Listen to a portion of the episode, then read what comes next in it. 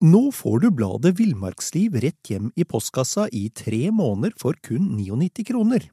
I Villmarksliv kan du lese om norsk natur, ærlige tester av klær og utstyr, og mange gode turtips skrevet av erfarne friluftsfolk, fiskere og jegere. Send SMS VILL36 til 2205 og motta bladet allerede neste uke. Lev livet villere med bladet Villmarksliv.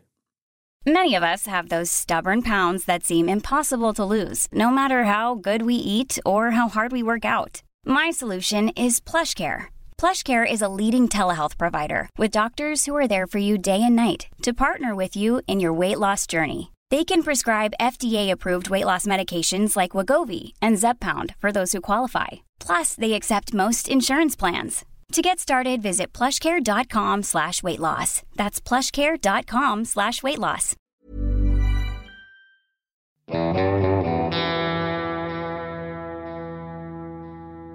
Velkommen til podkasten Villmarksliv. Mitt navn er Knut Brevik, og jeg er redaktør i bladene Villmarksliv, Jakt og Alt om fiske. Hva gjør du når du løper for livet med en isbjørn rett bak deg, kaster deg inn i fangstbua og hører at isbjørn lander et sekund etter deg? Inne i bua. Det vet Kjell Reidar Hovelsrud. Han har skrevet boka Svalbard på livet løs, hvor bl.a. denne episoden omtales. Eh, vi skal snakke mer om den episoden og mange andre, fordi boka er eventyrlig eh, spekkfull av mer eller mindre dramatiske og tankevekkende historier.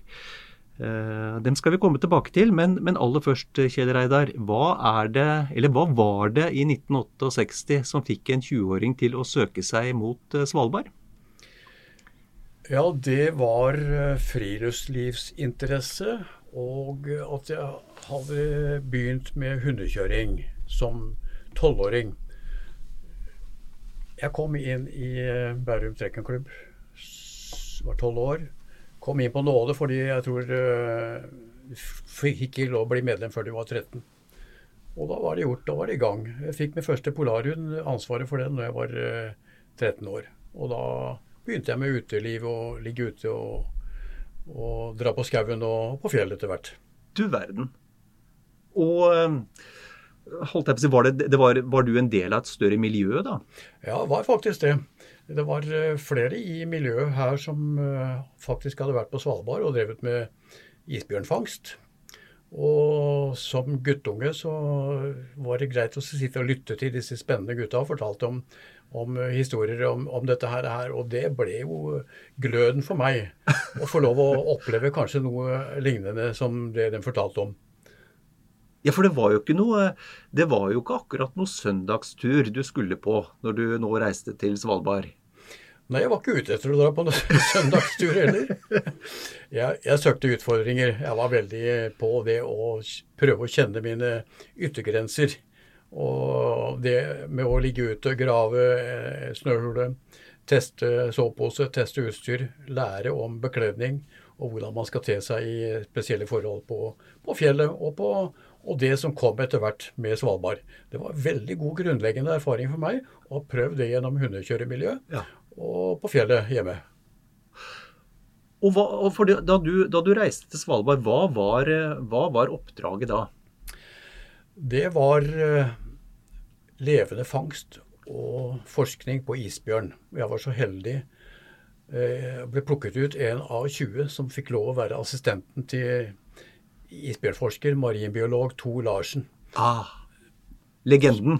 Ja, faktisk kan du si det. Han gjorde en kjempejobb eh, det året. Vi var et helt år sammen. Og det var jo spenning fra A til Å. Men ja, altså dere var, eh, dere var altså sammen i hva var det, var det 14 måneder? Ja, 12 måneder. Jeg 12 var 14 eh, fordi jeg var igjen for å passe på alle hunder som eh, noen som kom etter meg, skulle bruke okay. på ekspedisjonen. Og, og, jeg kunne godt ha tatt en vinter til på rappen, for jeg var så oppglødd av, av, det livet der og syntes det var så utfordrende og spennende. Og mørketid, det gjorde meg ingenting. Nei. Men, men, men levende fangst av isbjørn, eh, hvordan foregår det? Ja, vi begynte jo med en ishavsskute fra Tromsø med erfarne selfangere. Og vi skulle lære å gå inn i isen. Og da måtte vi gå inn til vi fant en isbjørn. Fra tønna og utkikken. Så var det å speide. Og når vi kom på østsiden av Edgeøya eh, på Svalbard, så, så fant vi jo flere isbjørner. Det var isbjørntrekk som gikk den veien. Ok. Og da var det bare å sette ut en lettbåt og komme seg inn i isen. Og det var oppbrekt is der var det mulig å kjøre båt. Eller så måtte vi rett og slett gå ned på isen og hoppe fra, si fra flak til flak, som det ofte var òg, og komme snike oss inn på isbjørnen med kamuflasjekledd. Og med våpen. Én mann hadde forsvarsvåpen, og én mann hadde injeksjonsvåpen. Det var en gardering som ble gjort underveis. Og det var jo spennende. Ja, det skal du få meg til å tro. For en 20-åring, tenk deg det. Som hadde lest, lest opp på Jack London og Amundsen og Nansen og alle disse gutta her. Og uh, få oppleve dette her. Det var en drøm som gikk i oppfyllelse. Og, og, din rolle uh, i, i, selve fangsten? Ja, min rolle var, uh, var assistent for Tor Larsen. Ja. Det vil si at da var det feltjobb. Det var å være ute og hente inn bjørn som hadde gått i feller. Og vi hadde jo levende, feller for levende fangst. Og i det hele tatt å lete etter hi og være ute på hjul hele, hele tiden. Både eh, mørketid og, og, på våren spesielt, hvor det ble lengre sledeturer da. Så det var, eh, det var full fart fra start til, til slutt, det. Ja. Men, men eh, vi må komme litt tilbake til den levende fangsten i isen. Altså, altså Uh, isbjørn eh, er jo, er jo, ikke noe man skubber seg mot. Hvordan reagerer en isbjørn når den blir jakta, da? Nei, det, det er du ikke vant til å, å bli jaktet på. Bortsett fra i gamle dager så var det jo, selv, var det jo fangst. Og, og da syner jo mennesket stort sett. Det er bare hvis man kommer i situasjoner som man føler seg presset, binde unger f.eks. Kommer du for nær det, så kan det være aggressive og sulten bjørn. Ung bjørn som ikke har eh, lært å bli selvstendig jeger. Ikke bra nok. Kan gå og sulte i lange perioder. Og det kan resultere i at de kan våge seg på å være aggressive og angripe. Mm, mm. Men eh, det, dette er de færreste tilfellene. Ja. De trekker seg unna mennesker stort sett i de fleste tilfellene. Akkurat. Og hvor nært måtte dere innpå bjørn da, med, med injeksjonsvåpenet? Våpenet her, det var, eller Den pila vi brukte med injeksjon inni, den var aluminium, lett, med en fjærdusk bak for styring. Og den 30-50 eh, meter var vel det holdet som var hvis det ikke var vind. Okay. Var det vind å snakke om, spesielt sidevind, så måtte vi kanskje inn på en, eh, ja, iallfall 20 meter. Du verden. Og det var spennende. Var det noen gang da dere følte dere trua? Det som var skummelt, det var at hvis en eh, binne med unger oppdaget oss i en sånn snikende jaktsituasjon, så, så kunne det gjøre et skikkelig utfall. Og da, da skulle vi være på vakt. Ja. Så det var å gjøre, være, gjøre seg så usynlig. Selvfølgelig gå, gå mot vind og vanlig teknikken. Og godt kamuflert hele veien. Og det var det å ligge være, være forsvarer for en som skulle ha injeksjon, det var heller ikke noe spøk. For jeg visste jo hva ansvaret falt på meg. Oftest var det meg som uh, var, var, den som skulle forsvare. Ja, for du hadde backup, så å si, du, med, backup, ja. med, med, rifle? Ja. ja. I boka så skriver du om en episode som er ganske fascinerende, hvor, eh, hvor dere prøver å komme inn på ei binne som har med seg to unger. Eh, ja. Det var da vi var ute i båt, ja. Ja, ja husker godt det. Og du, isbjørn er jo et smart individ, det er ikke noe som helst tvil om. Og binne som svømmer unna oss med to unger, ser at vi begynner å nærme oss å ta igjen ungene. Så stopper binna opp og venter til ungene kommer inn på ryggen hennes, og de klorer seg fast. Så svømmer hun videre for full fart. Det var én episode. Og snakker om smartness. Jeg husker en, en voksen hannbjørn som vi fulgte med båten. Står foran og klar med, med injeksjonsgeværet. Og plutselig så dukker han ned. Og vi tøffer videre rett fram der hvor vi tror bjørnen hadde lagt løypa si. Ja. Men smartingen, nei da, han tok tverrkurs, han. og, og kom seg inn mellom noen isflak og ble borte. Den fikk vi aldri merket, altså. Nei. Du har stor respekt for isbjørn. Ja, jeg må si det. Jeg må si det. Um, hva, når, dere hadde merka dem, og, og, de hadde mista bevisstheten og var holdt jeg på å si, mulig å forholde seg til, hva, hva, hva gjorde dere? Ja, nei, vi, vi, tok jo de prøvene vi kunne ta. Vi hadde jo muligheten når vi hadde, kunne veie dem. Ja. Når vi hadde var ved, ved selfangstskuta, så kunne vi veie dem i bommen. Og mål og vekt og blodprøver, mm. binde med unger, melkeprøver. Vi trakk en tann. Såkalt trimolar, som ikke bjørnen har noe bruk for. Akkurat. Litt innerst. Ja, for å bedømme både alder og, og det hele. Og så merket vi dem med tuss. For at eh, det var jo safarifangst den gangen. Det var leid bort skuter med, med, rike amerikanere, for å ta et sånt eksempel. Oh, ja. Eller tyskere, for den saks skyld. Som kom oppover og sto i baugen på båten og skulle skyte en isbjørn. Og de fikk ikke lov til å ta bjørner som vi hadde merket. For det lå så mye arbeid i det vi gjorde, så det var innforstått. Dem skulle de ikke røre. Det var vårt eh, område. Ja, ja. For dere, dere dere fangsta, eller dere, dere fikk tak i en del isbjørn etter hvert? Ja da, vi fikk det. Uh, om bord fra den selfangstskuta, hvor vi gikk på isen eller brukte småbåt, så ble det merka en god del bjørn.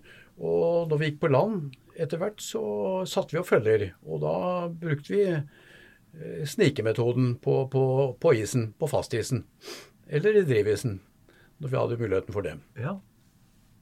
Hvordan, hvordan så de Hvordan levende feller var det snakk om? Det var en, en vaierløkke. Passelig stor for at det skulle være god plass til en bjørnelabb. Som var eh, festet til en mekanisme med en springfjær som dro den enden på løkka rundt foten på bjørnen. Og da sto denne her, var festet i et stor hvalkrokkel, eller drivtømmer, som lå frosset fast på land. Så når først bjørnen gikk i den fella, traff utløsermekanismen, som vi prøvde å eh, stikke noen pinner i nærheten rundt løkka, så han ikke skulle tråkke utenfor, ja. så utløste denne her og fikk eh, reddesnarer rundt labben. Så da var det for oss å røkte disse følgene så ofte som mulig, så ikke bjørnen skulle stå der og risikere å ødelegge seg. Ja, akkurat.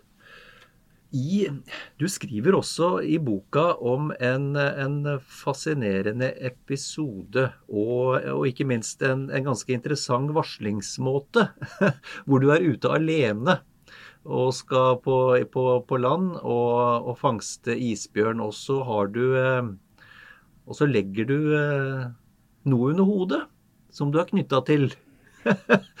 Fortell litt om det. Ja, nei, jeg fikk jo oppdraget Thor mente at nå var jeg såpass erfaren at uh, han var jo sjefen min. Ja. Så at nå må du dra alene ut ved Negerpynten, ute ved uh, sørøstspissen på Edsøya, mm. og legge deg til i, under Fuglefjellet der, for der var en svær landbrikk, og uh, fange Ta en, levende, en bjørn og fange levende. Det er du god nok til å gjøre, så det klarer du aleine. Ja vel, tenkte jeg. Ikke uten, uh, uten, betenkeligheter, men uh, jeg var jo oppsatt på Jeg syntes det var spennende. Så jeg fikk, hadde et åte, et stykke med reinsdyrbog. Eller noe selkjøtt jeg brukte den gangen. Festet til en line, ca. 10-12 meter, og inn til teltet mitt. For jeg tenkte at jeg må jo sove litt, og når jeg sover, så skal jeg iallfall ha muligheten til å vite om det er noe som er på åte. Ja. Og den, eh, det åte det slang jeg over en stokk jeg hadde fått tak i, eh, med snor som gikk inn til teltet mitt. Og for å ha varslingen, muligheten, som ikke bråkte og som ikke ble forstyrrende, så tok jeg enden på snora og knyttet sammen rundt eh, noen av klærne mine og la som hodepute. Så det Ja, og det er klart at når jeg våkner sånn fire, som regel ved firetiden om morgenen, og alt, alt, alt, skjer fordi da er kroppen så lavt nede at jeg kjente det var noe som, eh, noe som røsket under, under, meg. Og jeg så bare rett og slett eh, klesbylten min forsvant ut av den trekanten som jeg ikke hadde lukket helt igjen i teltåpningen. Og da var jeg ikke sikker på om jeg skulle gripe børsa mi, eller om jeg skulle gripe eller revolveren min som jeg hadde da, eller om jeg skulle gripe injeksjonsgeværet mitt. For da, da, var ikke kroppen helt til laget til, til, å skjønne hva som skjedde ordentlig. Jeg skjønte det, hva det var, men jeg, jeg, jeg var litt forstyrret i, akkurat i det øyeblikket. Men så kom jeg meg litt til hektene og, og, kikket ut, og der sto det en ung bjørn og tygde på åte. Og jeg gjorde jo klar injeksjonsvåpenet for, å, for, å, eh, for å fange den. Og fikk omsider av et skudd. Men det var jeg så uheldig at den traff ikke i, bo, i, i skinka, som jeg hadde regnet med. Den traff for langt foran.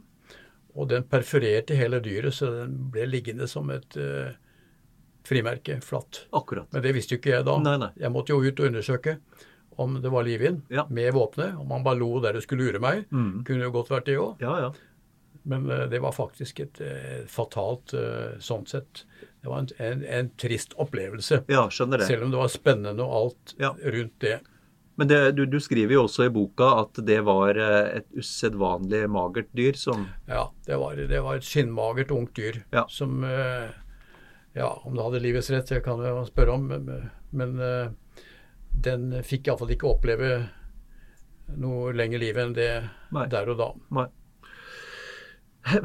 vi, må, vi, skal jo komme litt tilbake til det. Du, du, eh, som sagt, det er jo mange, er mange utrolige og, og, spennende episoder du skildrer i, i boka di. Men, men, vi må snakke litt om dette med, med, med risiko også, fordi eh, det er jo kanskje et av verdens eh, mest ugjestmilde strøk, eh, Svalbard. Polare strøk. Og og i 1968-69 så var det ikke mye det var ikke mye hjelp å få hvis det, noe skulle gå galt. Nei, det var det jo ikke. Altså, I hovedstasjonen så hadde vi en radiosender. Og den, eh, var, den klarte vi å holde livet til fram til juletider. Da brøt jo den sammen. Men når vi var ute i felten, så var det jo aldri Vi tenkte vel ikke på vi tenkte ikke på at noe kunne gå feil, og det var bare en sjanse som vi måtte ta. Var, eh, følte at vi var trygge og gjorde eh, ett steg av gangen og tok eh, forholdsreglene før vi dro ut. At vi hadde våpen og hadde utstyr og klær og det vi trengte. Ja. Så det var ikke Tenkte ikke på det. Nei. Men, men, men dere, dere, dere, gjorde vel det, da, siden dere forberedte dere, holdt jeg på å si? Ja, jo, jo, men vi tenkte, tenkte ikke det at vi, vi, måtte hjelpe oss selv. Ja. Vi var fullstendig prisgitt det steget vi gjorde, at det var riktig. Ja. Og de handlingene vi gjorde. Mm. Men, men, jeg tenker man skal, eh, når man reiser opp til Svalbard eh, og i, på slutten av 60-tallet så var det som sagt du var, du var helt prisgitt dine egne handlinger og dine egne forberedelser. Eh, man skal være litt eh, mentalt robust? Ja, det, det er helt klart. Det skal det være. Men det, vi tenkte ikke de banene. Vi gjorde det vi uh, skulle gjøre. Mm, mm. Vi, nei, det, det, var ikke altså, Mentalt vi, vi, vi, var, vi var nok, må jo ha vært veldig sterke da. Mm. Og innstilt på å gjøre en god jobb. Og eh, jeg syns altså enhver utfordring var på strak arm. Det var bare spenning. Mm, mm, Store, fine opplevelser. Mm. Hadde aldri noe aldri noe redsel for det, det jeg skulle ut i. Nei. Aldri. Nå var jo du Du var jo godt forberedt. Du var jo hundekjører og hadde mye, mye friluftserfaring. Og, og, og, du skriver flere steder i boka om, om dette med, med kulde. Eh, og det møter du i rikt monn eh, på Svalbard.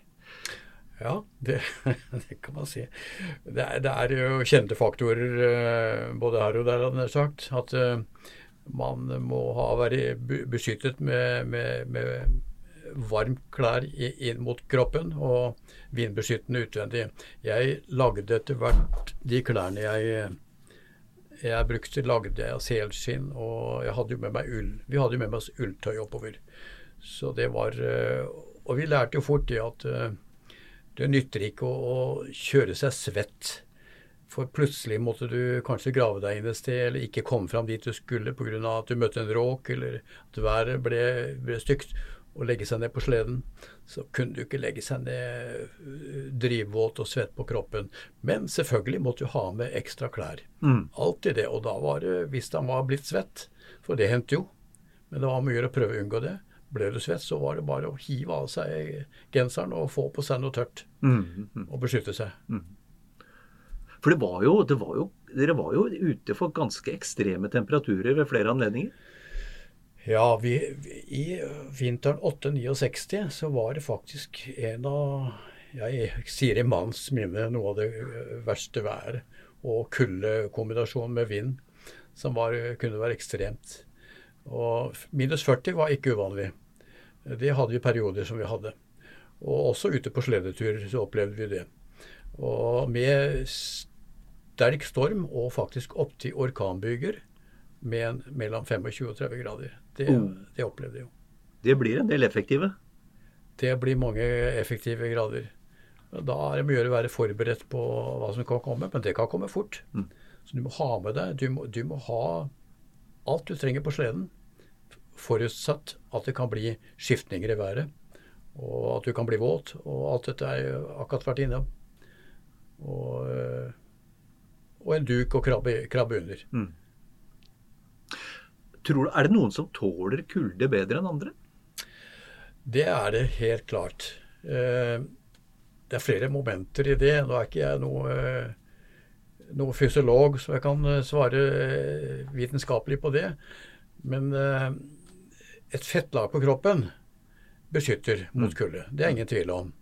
Og det går også an å si at eh, inuitter er bedre rustet fordi det har eh, Muskelvevet er, har brunt fett, som gjør at det produserer varme når kulda kommer. Det er også momenter. Men eh, det er så individuelt, dette her. Men jeg tror det å ha litt grann godt med både kjøtt og et lite fettlag på kroppen, i tillegg til at man kler seg godt, selvfølgelig. Så jeg tror det er individuelt også, dette her, da. Og så ville jeg tro at det var viktig med gode rutiner i felt. Altså når ting skjer så fort som du skriver om i boka. Ja, ja. Alt skal være tilgjengelig på den ene meteren eller de to meterne du omgir deg med. Enten slede, hunder. Der skal utstyret ligge. Våpen, eh, telt, sovepose.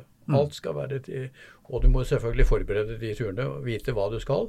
Men én ting på Svalbard som er helt sikkert, det er at det, det meste er uforutsett. Kan ikke kalkulere med, med hvordan ting er. Det er ikke som å lese et manus. Du, det oppstår stadig ting du ikke regner med. Det er sprekker i isen, råker som åpner seg, som gjør at du må over lange omveier for å komme deg dit du har tenkt deg. Og det blåser opp på et svisj, så kan det blåse opp ifra nesten vindstille til, til stormbyger. Ja. Og snøføyke. Og da ser du ikke så veldig mye. Da er det bare å stoppe der du er. Og jeg laget et uh, improvisert uh, telt på sleden, så jeg kunne krabbe ned i. Eller duk rundt, som et kapell rundt sleden. Akkurat. Med, med glidelåsordning, så jeg kunne komme ned i. Og der hadde jeg tilgjengelig mat. Og det har jo hendt at jeg måtte være ligge på sleden i, i, i faktisk over i to døgn Akkurat. Ja. uten nok sjanse på å komme deg videre. Fordi du ser ingenting, og du vet ikke hvor du er hen, kanskje, eller i forhold til når du er på, ute på isen. Du skriver også om en episode hvor dere hadde med dere en, en nederlender med navn Paul på tur. eh, Og det holdt på å gå riktig galt. Ja, ja. Eh, Det var fire hollendere som overvintret på Svalbard, og var, vi var stadig på farten. Vi var ute i ukevis, Tor og jeg, for å fange bjørn, og for å merke bjørn, og for å lete etter hi og observere. Og vi var innom den nederlandske basen som lå 12-13 mil unna der hvor vi hadde campen vår. Og Paul han ville gjerne være med oss på et tur. Vi trodde at han var forberedt på å kunne være med oss på en tur. Dette var på våren, på det kaldeste perioden. Og Paul og den nederlandske gjengen hadde faktisk vært hatt det jeg kaller brakkesyke. Oh. De, var, de kom seg ikke ut i mørketid. Fikk ikke trent opp kroppen. De var så mye inne at det var bare ut og rundt hjørnet og, og, og tilbake. Særlig mer var det ikke. Og det var jo Vi hadde vel ikke forutsett at eh, Paul var, og de andre var så dårlig rustet. Paul var med oss da. Vi kjørte en full dag inn over mot uh, Helløysundet, Hinlopenstredet, og hadde planer om å dra videre oppover. Men jeg ser jo Paul begynner å sakke akterut, og han må sitte på sleden. Og vi hadde bare ett spann, da, Tor og jeg. Og jeg spør Paul at går det bra, eller skal vi slå leir?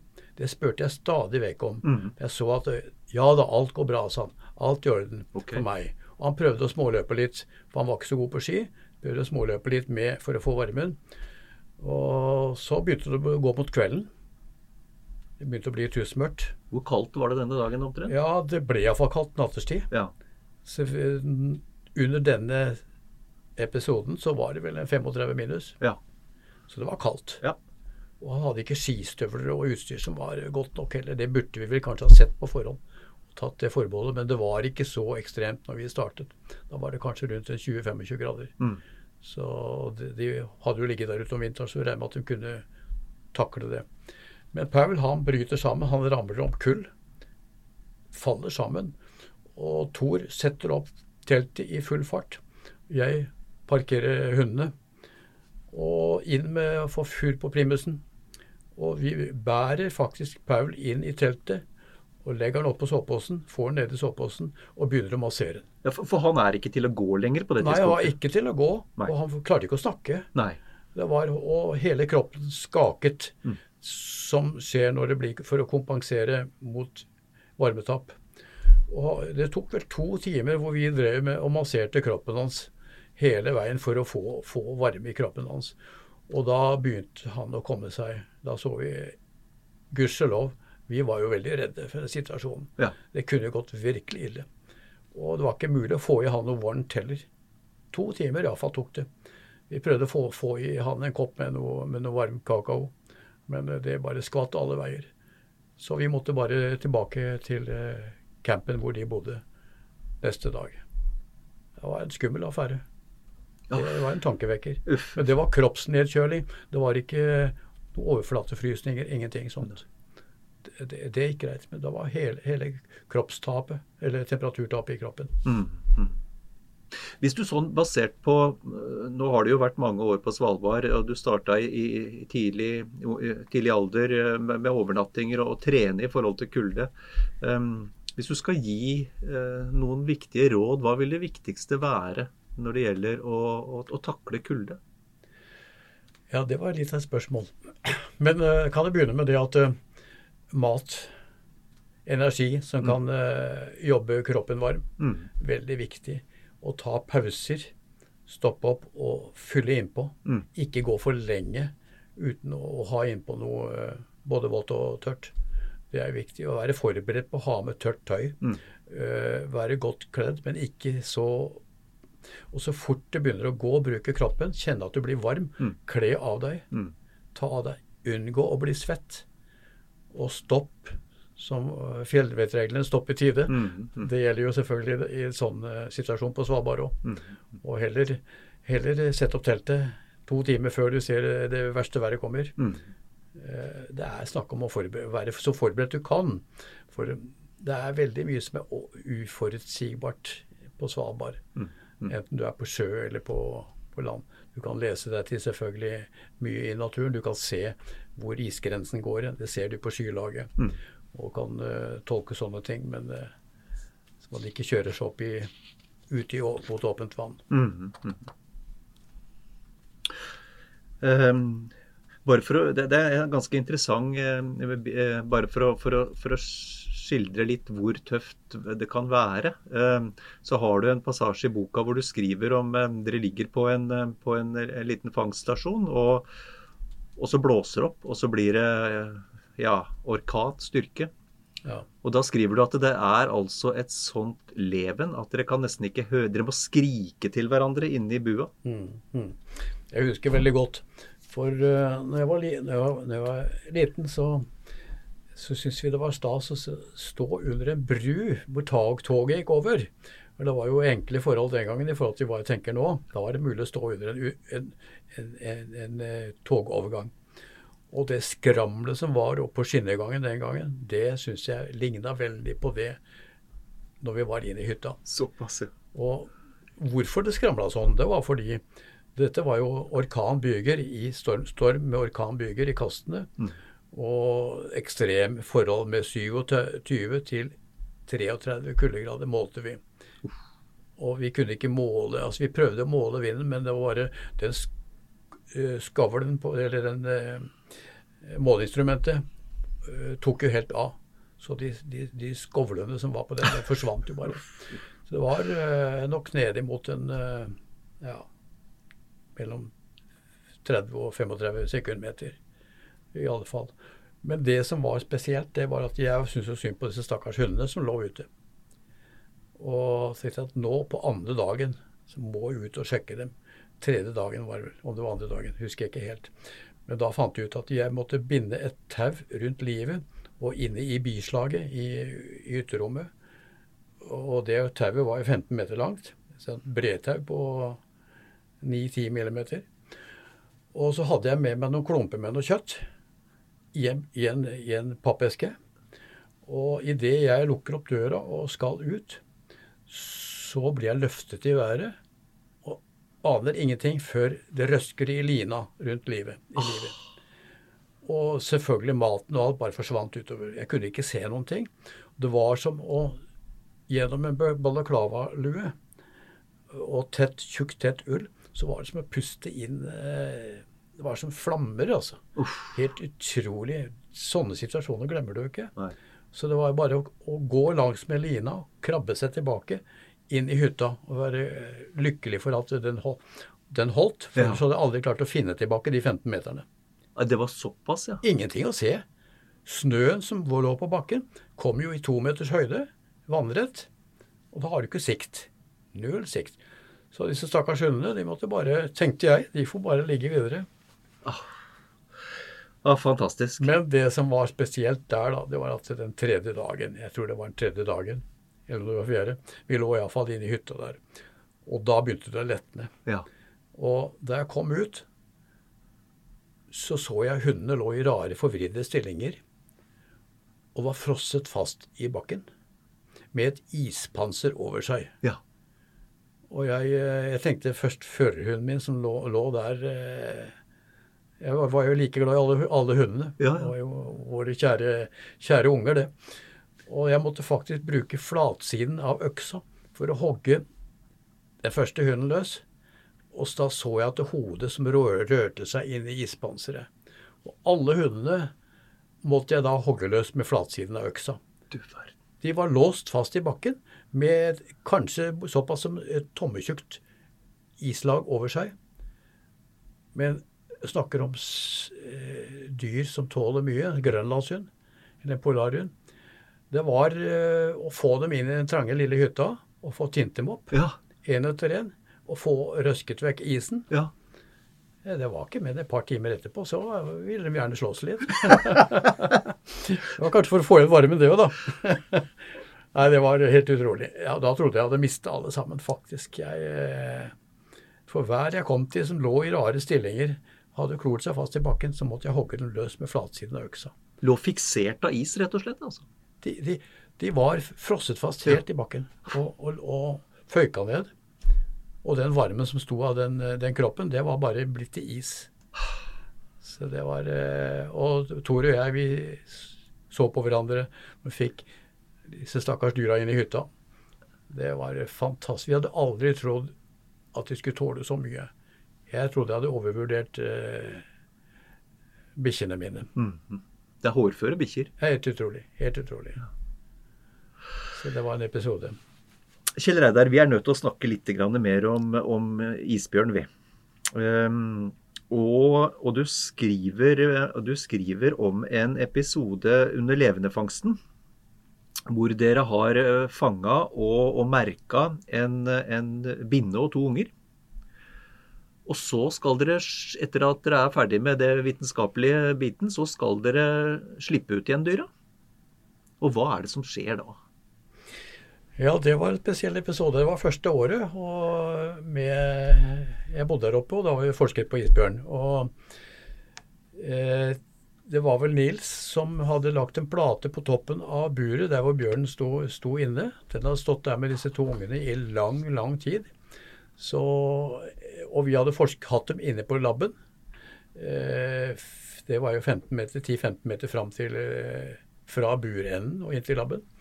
Og gjort mange eksperimenter med dem. Vi skulle finne ut uh, hvordan det var med såkalte termobalansen. Hvordan de klarte forholdet mellom kulde og, og, temperatur. Om det var noe spesielt med skinn og med fett. Så det ble, ble forsket på hele veien. Og når vi slapp binda ut, det var å dra opp et rør i buret. Nå får du bladet Villmarksliv rett hjem i postkassa i tre måneder for kun 99 kroner. I Villmarksliv kan du lese om norsk natur, ærlige tester av klær og utstyr, og mange gode turtips skrevet av erfarne friluftsfolk, fiskere og jegere. Send SMS VILL36 til 2205 og motta bladet allerede neste uke. Lev livet villere med bladet Villmarksliv. There's never been a faster or easier way to start your weight loss journey than with PlushCare. PlushCare accepts most insurance plans and gives you online access to board-certified physicians who can prescribe FDA-approved weight loss medications like Wigovi and Zepbound for those who qualify. Take charge of your health and speak with a board-certified physician about a weight loss plan that's right for you.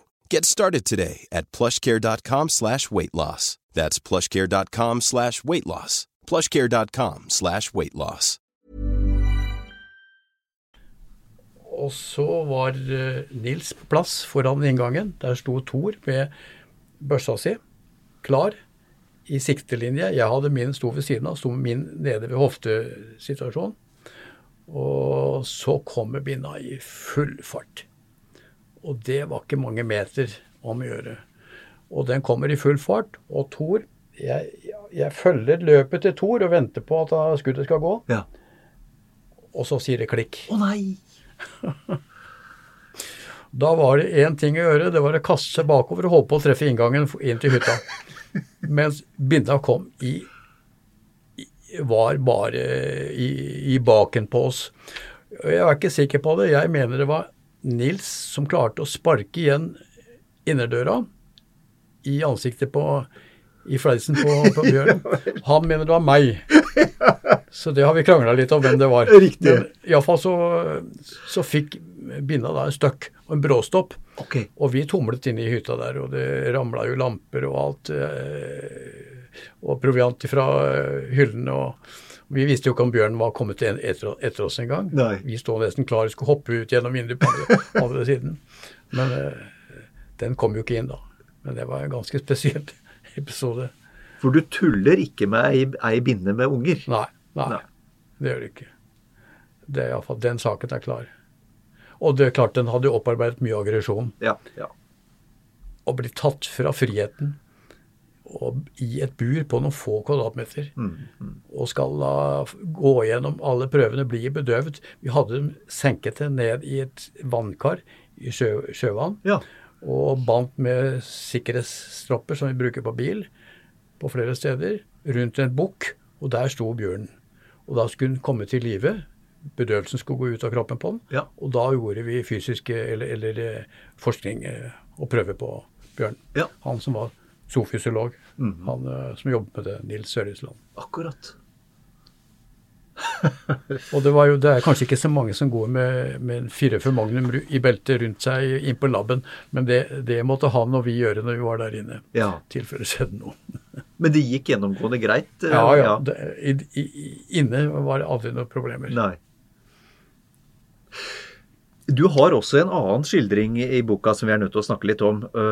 Og, og det er også i forhold til isbjørn. Og det var denne litt tilårskomne voksne bjørnen som, eh, som skapte ikke så rent lite drama for deg.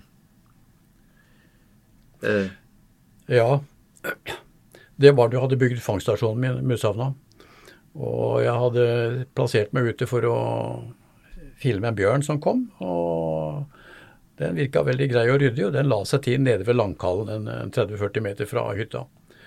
Og når jeg står der og skal filme, så Plutselig så kommer han krypende. Han legger seg flatt som et frimerke og kryper mot meg. Fikserer blikket mitt. Og det er fakta. Det, det, var rart å oppleve. Fordi, og det gjorde til at jeg ble stående, eh, stående, for lenge. Ja, For du skriver i boka at du blir litt satt ut? Jeg ble satt ut. rett og slett. Det var noe som skjedde med den fikseringen. Blikket var helt klistret på meg. Han nagler deg med blikket? Nagler. Meg med blikket, kan du, et greit uttrykk å bruke. Og idet jeg skjønner at her er det fare på ferde For jeg sto på enden av hytta, eh, tømmerhytte, og på andre enden, ved inngangspartiet, der jeg runder rundt i inngangen, Ja. der hadde jeg hengt opp revolveren min i beltet. Mm. Og jeg hadde bare filmkamera, så tenkte jeg at det var jo kort avstand. Idet jeg hopper rundt og løper mot inngangen, så ser jeg fra øyekroken, da kommer han. Og da kommer han i fullt tiggersprang. Og idet jeg er på vei Jeg er 20 cm fra revolveren min. Jeg tenkte hvis jeg griper den nå, Ja. da har jeg ikke kjangs. Da tar den meg. Såpass, ja. Da tar han meg. Og idet jeg runder inngangen, så heldigvis så hadde jeg døra oppe, og hopper inn, så tar det ikke ja, Det er kanskje et par sekunder, så blir det mørkt bak meg. Og da er bjørnen inne i det lille rommet på tre ganger tre og en halv meter, sammen med meg. Og Rekk, unnskyld at jeg spør. Rekker man å tenke Nei. noe? Jo, nei, så jeg vet ikke. Eh, Jeg husker iallfall at hjertet holdt på å hoppe ut av kroppen min. For det var eh, Da kjørte jeg virkelig på angst. Mm. For jeg visste at sjansene Rødder, dem er dårlige nå. Og jeg stanger hodet inn i eh, neste dør, inn i hovedhytta. Og den hopper inn, og da blir det stille bak meg. Jeg fikk jo ikke lukte gjennom dør, men da hadde bjørnen stoppet ut i byslaget og funnet ut at der var det mat. Der var det kobberkjøtt, og der var det røye. Og der, det var det egentlig han hadde luk lukta tidligere på dagen, hvor han hadde stått utenfor og, og kikka på meg mens jeg hadde døra oppe. Så det var ikke meg han skulle ta. Ok. Jeg fant røye og kobberkjøtt var nok mye bedre enn det han kunne få tak i av meg. Sur gammel fangstmann. Ja. men men det, er, det er en par-tre timer der hvor du er veldig usikker på Ja, hva ja. som skal skje. Ja, ja. Døra står oppe. og Jeg ser jo i hasene på bjørnen. Han forgriper seg med, med kjøttet der ute. Så du ser bjørn fra Ja, der du ja, ligger, det var altså? åpen dør. Det var bare en liten blader som sto. Jeg fikk ikke, ikke lukt. Jeg våga meg ikke bort og skulle lukke en den. Det er iallfall sikkert. Men saken var den, jeg hadde ikke noe våpen. Nei. Jo, jeg hadde et våpen på, på, på veggen. Gammel Mauser. Det var jo intakt den, for så vidt, men hadde ikke noe ammunisjon. Ammunisjonen, den var faktisk kloss i veggen der hvor bjørnen mot, der hvor bjørnen sto oppe, oh, sto, sto inne. Og det Jeg fant ut jeg må fram og få tak i noe ammunisjon. Og de skrittene jeg hadde bortover gulvet der, det er de lengste skrittene jeg noen gang har tatt. De sitter i meg enda. Jeg fikk tak i hånda opp i eske med patroner som jeg hadde på spesielt sted, og fikk lista meg tilbake, og da så jeg bjørnen var to meter fra meg med, ute i byslaget og tygde på noe kjøtt. Og fikk kjørt ned i et par skudd og lada, lada, tatt ladegrep. Og der lå jeg, mens bjørnen koste seg. Ja, for du hørte han åt i Ja, ja, slafsa åt. Det var virkelig Og noen bøtter som sprakk der, og det var eh, Ja, det var jo eh, Kunne like godt ha vært i samme rommet. Det var en åpen dør som sto der, og Men eh, da lå jeg med fingeren på avtrekkeren. Fant ut at eh, Jeg prøvde å kalle opp på radio, for jeg hadde en radiosender da. Fikk tak i eh, Svalbard Radio og sa at nå må du få tak i sysselmannen til meg. Eh, For jeg har en bjørn inne i hytta. Hva farsken, sa han. Bjørn i hytta! Jeg kan ringe med en gang. Få tak i den. Ja. Og da fikk han beskjed om at ja, sysselmannen var kontakta. De skulle komme opp med helikopter. For jeg, eh, jeg ville ikke prøve å skyte bjørn inne i byslaget. Det var tafatt. Og da tok det to timer. Da kom sysselmannen opp.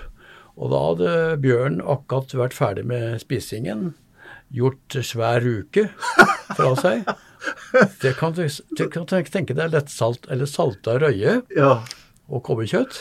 Det blir hard kost for en uh, bjørnemage òg.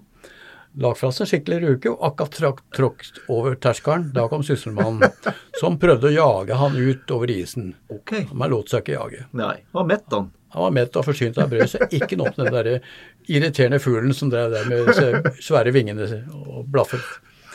Så nei, det var, den satte en støkk i meg. Det er første gang jeg virkelig har kjent på det med angst. Ja. Men det hadde jeg da, iallfall når han var etter meg. Eh, Det ble, gikk over i en annen fase når jeg var inne. Da var det mer kan du si, nerver da, som situasjonen eh, tilsa. Mm, mm. Har du, har du tenkt tilbake på disse situasjonene noen gang? Altså, Å ja, det er jo det. men er det noe som uh, gnager Nei, innimellom? det er faktisk ikke. Jeg er flink til å ikke bære med meg det som har vært vondt og vanskelig. Mm, mm. Heldigvis for det. Du hadde jo også en, øh, en, øh, en episode noe senere da du, da du fangsta med en, en venn fra, fra Longyearbyen. Uh, Kjell Nygaard, ja. Ja, som ikke gikk så heldig for, uh, for Bjørn. Hva var det som skjedde da? Uh, Jeg, jeg, jeg tenker på den episoden hvor, hvor han knuste vinduet og skulle inn i, inn i hytta di. Å ja, den episoden, ja. Ja, det var, eh, det var en venn som var med meg på en båttur, det. Ja. Og da hadde vi eh, campert ved Vi hadde fisket på Nordøstlandet og kom tilbake. Kom inn til Krosspynten og la oss til for å sove. Og det var også tidlig på morgenkvisten, så hører jeg det skrangler i vind vinduet rett over senga der jeg ligger. Glasskår som fyker over senga mi. Og ser et bjørnehode som stikker inn, og det skummer. Det Fråden sto om kjeften på det, på det dyret. Så det, og jeg hopper bakover. Jeg har aldri revolveren langt unna meg når jeg er i nærheten av hytte. Hopper på stopper og på gulvet med soveposen halvveis ned på, ned på lårene og gjør et siktepunkt i tilfelle han skulle komme, prøve å komme helt inn. Det var jo et relativt lite vindu, men når sprossa sprakk og kom for andre gangen, da ga jeg henne et skudd, og den traff gjennom halsregionen på. Akkurat. Så fikk eh, kastet den ut. Det var jo, det var jo så fortetta episode. Og Jan Morten, som var med meg, hadde, aldri sett et, hadde ikke sett et bjørnespor engang før han fikk den, oppleve den episoden. Ja. Men han fikk jo kjøpt skinnet som var på auksjon. Jeg flådde jo dyret og tok det med til Sysselmann. Tok det med Sysselmann henta det med helikopter senere. Han fikk jo kjøpt skinnet på auksjon for å ha det som en affeksjonsverdi senere. Men denne, denne bjørnen var syk, forsto jeg? Ja, det hadde ikke Det var noe, en svart klump i nedi magesekken på han, for jeg ville se hva det var. Ja, Ja, akkurat som noe bekk eller noe tjære. Det var så radmager som bare det. akkurat. Og det var derfor han ble aggressiv. og Først prøvde å få tak i noe fisk i byslaget, Mm, mm. og så kom han inn til oss etterpå. Uff, uff, uff. Ehm, det, er, det, er nesten, det er nesten vanskelig å velge episoder i den boka di, um, Kjell Reidar. For det er, det er veldig veldig mye spennende lesning, interessant lesning, ikke minst om, om artene på Svalbard. Uh, og, og historikken til Svalbard. Men eh, vi er nødt til å, å snakke om en, en episode du har skildra som, som jeg syns var veldig sterkt. Og det var den eh, gangen hvor du gikk gjennom, eh, gikk gjennom isen med, med Wiesel, et beltefartøy. Ja, Belte Hva var det som skjedde da? Det er først å bare si det at det, dette blir jo veldig komprimert. Eh, Det jeg har opplevd på 10-12-14 år med både overvintringer og, og ekspedisjoner, skal vi sitte og få tak i her på en time. Ja. Men eh, nok om det. det, det var, eh, vi var to mann på overvintring i, på Edsøya. Og vi hadde fått flydropp. Og vi skulle ut Tenkte at vi drar ut med søppel. Har en, vi har en tilgjengelighet, en Wiesel som var fra Fina-gruppen. som Vi, skulle, vi, var, vi passet også som vaktmenn på stedet og på utstyret deres. Okay. Og så skulle jeg kjøre ut med noen papprester og det som var av, av, eh, av tomgods ut på isen med Wiesel. Og det gjorde jeg. Jeg kjørte ut eh, en 700-800 meter ut på isen og lagde et bål der ute. Jeg skulle kjøre inn igjen og ut en ny tur. Og da tenkte jeg skal jeg ha med Tjoksen, eh, en lederhund jeg hadde. Ja. Skal jeg ta med han inn i førerkabinen for å bare få bli med en tur? ja. tenkte jeg da. Og jeg kjører ut neste gang i samme sporet. tenkte at det må jo være trygt. Jeg hadde målt isen til å være 75 cm på forhånd, så jeg visste litt om hvordan, hva jeg gjorde. ja. Og da kommer ut, nesten helt ute, så merker jeg det at eh, beltene begynner å grave. Ok. Jøss, var det så mye løs snø og sørpe her, tenkte jeg. Og det er for sent når jeg oppdager at det da er faktisk eh, beltet og en del av døra allerede kommet ned under isen og ned i vann. Å nei. Jeg var på vei ned. Jeg visste at jeg kan ikke få opp døra og hoppe ut. Det var ikke mulighet, for så fort gikk det. Og, og da jeg sitter inne i maskinen der og tenker at ja vel, dette var avslutningen. Ja, For du merker at det begynner å fylles med Ja, jeg merker og tenker, jeg, Tanken min var da jeg håper ikke det er så langt ned at det er kanskje muligheten for å komme seg opp. Det var den eneste tanken som streifet meg. Men eh, sekunder og minutter, alt flyr jo så fort. Så du klarer ikke å få begrepene om det. Plutselig merker jeg at han setter seg på bånn. Og jeg tenkte det kan ikke vært så veldig langt ned, tenkte jeg. Hvor, hvor høyt sto vannet? For jeg spør deg om det, Kjell Reidar. Hvor høyt sto vannet i kabinen da? Den, den sto oppe øh, halvveis. Og jeg tenkte at skal jeg prøve å komme opp ut av den situasjonen, så må jeg vente til vannet fyller seg opp før jeg tar opp utlignet trykket. Ja. Men før det så gikk det så mange tanker gjennom meg at dette var, dette var forferdelig. Tenk deg må mor og far få greie på dette når at jeg blir borte på denne måten her. Og jeg hadde så mye uopp, uopplevd, tenkte jeg. Og tankene løp gjennom eh, hodet mitt. Så jeg var helt overbevist om at dette var slutten. Ja, var For sjansene mine var jo eh, 0,0 omtrent. men er det lov å spørre, hvor, hvor- i en sånn ekstrem situasjon, hva, hvordan sinnstilstand var du? Altså, var du, var du? var du redd? Var du Nei. rolig? Var du Jeg var helt rolig. Helt rolig.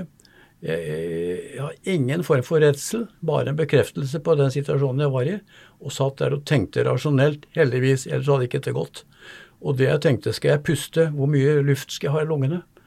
For da, da vannet begynte å komme opp i høyden, så måtte jeg jo, eh, før jeg kunne komme ut av døra, og håp om kanskje å finne en vei opp, skal jeg fylle lungene halvfullt, eller skal jeg fylle fulle lunger for å bli det for mye trykk? Jeg tror jeg fylte nesten fulle lunger, og så åpnet jeg døra. Og seg oppover og møtte isen over meg. Jeg tenkte det var jo ikke mer enn eh, Dette var fem, seks, kanskje syv meter opp til, til toppen. Og det jeg ser opp og ser knudrete, rare isen, hvordan han var under han, jeg klarer å registrere og se Det var jo nesten vakkert oppi all raritetene, hva du, hva du opplever, så klarte jeg å registrere at isen under var det kunstverket. For da har du en meter mellom deg og luft.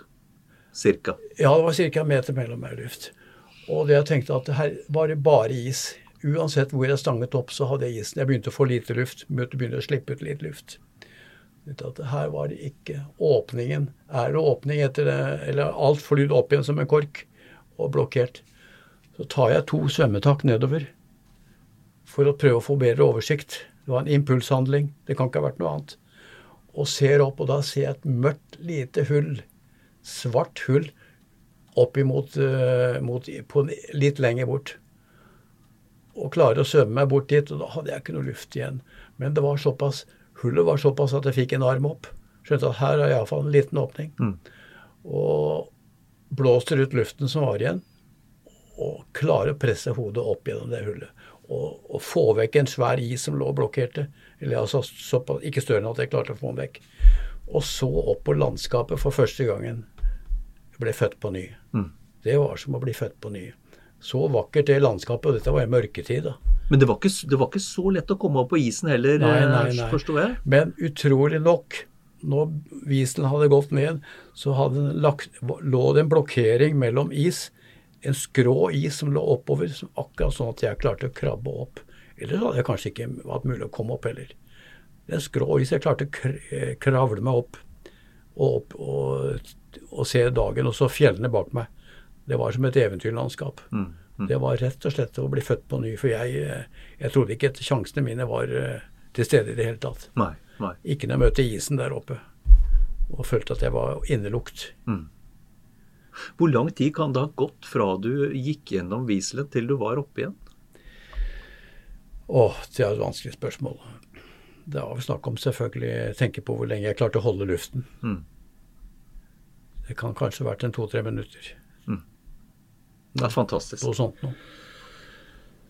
Fantastisk Ja, historie. det, var en, det var, er nok den mest spesielle episoden. Alt tatt i betraktning at han har sett mye bjørn. Den, den også, når bjørn var inne i hytta etter meg. Mm, mm. Som, og jeg var jo må, 700 meter å gå inn til land.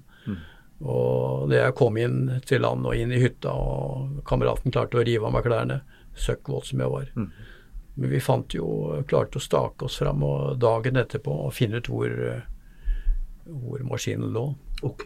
Og det var ca. 7 meter, 7 meter ned til taket. Ah, Så det var vel en 8-9 meter da dybde. Den ble liggende der. Den ble liggende der, men den ble, ble plukket opp av Finna-gruppen Å ja. eh, og tatt til Tromsø i eh, året etterpå. Akkurat. Og vi klarte å markere stedet hvor han lå. Akkurat. Så det var spesielt, det da. Fantastisk. Eh, vi kunne snakka i, i mange timer vi, om dine opplevelser på Svalbard og, og boka 'Svalbard på livet løs'. Men det, eh, før vi gir oss, det vi i hvert fall er nødt til å, å fortelle folk, er hvordan de får tak i boka. Ja, den er å finne på svalbardpolarliv.com. Ja. Eh, Eller min e-postadresse som er kjreid. Forkortelse for Kjell Reid der. kjreid alfakrøllonline.no. Men eh, svalbardpolarliv.com. Eller så finnes den jo også i bokhandlerne. Men eh, hvis de tar kontakt med meg direkte, så kan de få en hilsen i boka. Så det, det, den muligheten er til stede. Strålende. Eh, Jeg har som sagt lest den, og det er, det er forrykende, forrykende spennende. Tusen takk for praten. Takk skal du ha.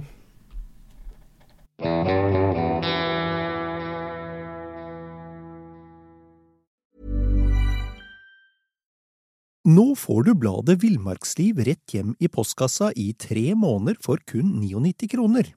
I Villmarksliv kan du lese om norsk natur, ærlige tester av klær og utstyr, og mange gode turtips skrevet av erfarne friluftsfolk, fiskere og jegere. Send SMS VILL36 til 2205 og motta bladet allerede neste uke. Lev livet villere med bladet Villmarksliv. Mom deserves the best, and there's no better place to shop for Mother's Day than Whole Foods Market. They're your destination for unbeatable savings, from premium gifts to show-stopping flowers and irresistible desserts. Start by saving 33% with Prime on all body care and candles. Then get a 15-stem bunch of tulips for just $9.99 each with Prime. Round out Mom's menu with festive rosé, irresistible berry chantilly cake, and more special treats. Come celebrate Mother's Day at Whole Foods Market. Imagine the softest sheets you've ever felt. Now imagine them getting even softer over time. That's what you'll feel with Bowl and Branch's organic cotton sheets. In a recent customer survey, 96% replied that Bowl and Branch sheets get softer with every wash. Start getting your best night's sleep in these sheets that get softer and softer for years to come. Try their sheets with a 30-night guarantee. Plus, get 15% off your first order at bowlandbranch.com. Code BUTTERY. Exclusions apply. See site for details.